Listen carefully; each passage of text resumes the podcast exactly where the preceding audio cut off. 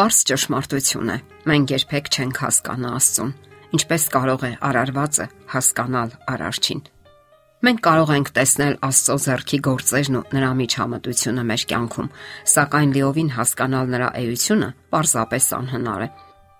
Մենք կարող ենք ընկալել այն սկզբունքներն ու մեխանիզմները, որոնցով գործում է նա շրջապատում եւ մեր կյանքում, եւ այնուամենայնիվ շատ ու շատ գաղտնիքներ անհայտ կմնան մեզ։ այն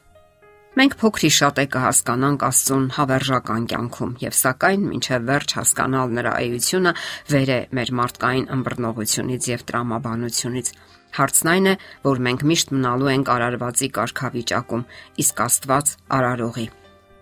Մենք չենք հասկանում Աստծո բոլոր քայլերն ու գործողությունները, սակայն վստահում ենք նրան։ Երբ Աստված խոստում տվեց Աբ รา համին, որովհետև այդ բոլոր երկիրը, որ դու տեսնում ես, քեզ եմ տալու, նա հավատաց ու վստահեց եւ քայլեց հավատով։ Հավատի բաղկացուցիչներից մեկը վստահությունն է, երբ անգամ բոլորովին չես հասկանում Աստծուն եւ նրա ծրագրերը։ Այսօր էլ դա է պահանջվում ներկա հետաքրքիր խմորումների եւ ծայրահեղությունների ժամանակաշրջանում երբ լուրջ տեղաշարժեր են տեղի ունենում քաղաքական, սոցիալական եւ հոգեբանական ոլորտներում։ Մարդն այսօր կարող է ապրել հավատով եւ վստահությամբ, վստահությամբ Աստծո եւ նրա խոստումների հանդեպ, երբ մեծ չափերի են հասել հարաբերությունների լարվածությունն ու անվստահությունը, քայքայվել են մարդկային բնականon հարաբերությունները, ընտանիքներում եւս անվստահության մտնոլորտ է տիրում։ Հոգևոր արժեքները դադարել են արժեք ներկայացնելուց եւ հենց այստեղ էլ թաքնված են մարդկային հիմնախնդիրների արմատները, որովհետև երբ հոգևորը փորձում են ներկայացնել ամեն ինչ, սակայն ոչ երբեք աստվածային հրահանգ, հասարակության մեջ ամեն ինչ շրջվում է գլխի վայր։ Մարդիկ կորցնում են վստահությունը Աստծո հանդեպ, իսկ կրոնը վերածվում է քարացած կարծրատիպերի ու ծեսերի մի անվերջանալի շարանի։ Այն ներկայացվում է հաճախ որպես մշակույթ, որպես անհատական կարծիք, որպես խղճի դրսևորում, սակայն ոչ երբեք մարդ Աստված փոխհարաբերություն։ Վստահել Աստծուն կյանքի բոլոր ոլորտներում։ Ահա ելքը մեր բարդ ու լարված իրավիճակում։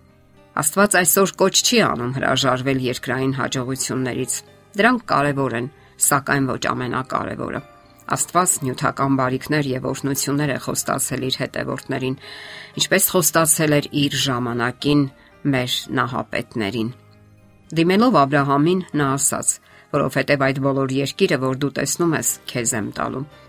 Այդպիսի խոստումները Աստված հետագայում էլ տվել է Իսրայել ժողովրդին սակայն պայմանը հնազանդությունն էր Աստվածային կարգին ու կարգապահությանը,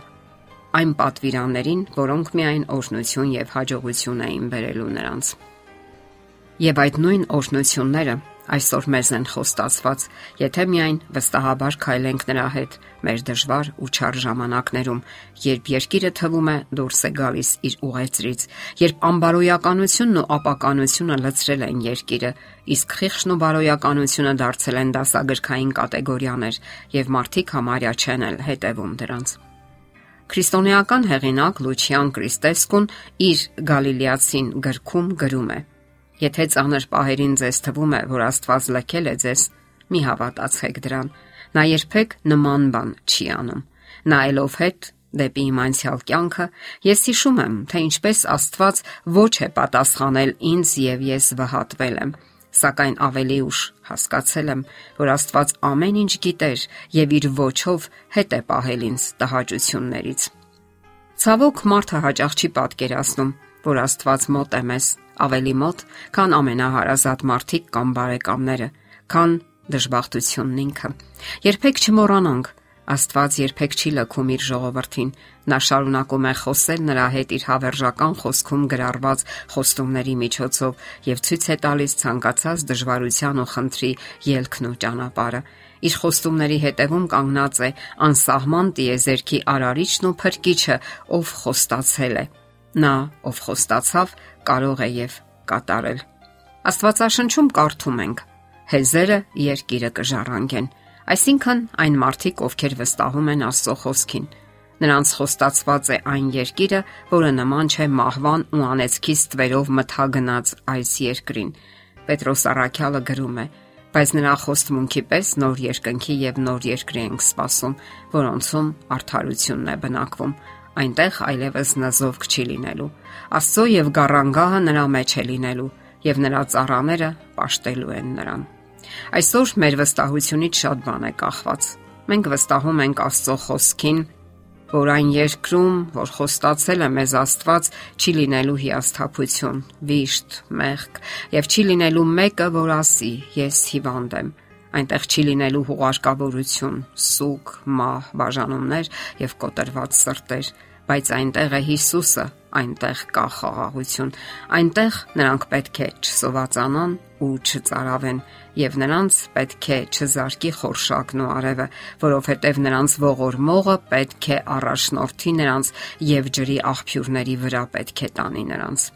Այս կյանքի խոստումը բոլորովին նման չէ այն կյանքին, որ գիտենք այս երկրում։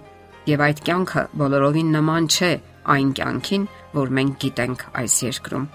Հավատում ենք այս ամենին, որ գրված է Աստվածային խոսքում։ Վստահում ենք Աստծո բոլոր խոստումներին, որ կարդում ենք նրա անսխալական խոսքում։ Հենց այսօր եկեք Աստծուն վստահենք մեր կյանքը եւ երբեք հուսախապ չենք լինի։ Եթերում է ղողանջ հավերժության հաղորդաշարը։ Հարցերի եւ առաջարկությունների համար զանգահարել 033 87 87 87 հեռախոսահամարով։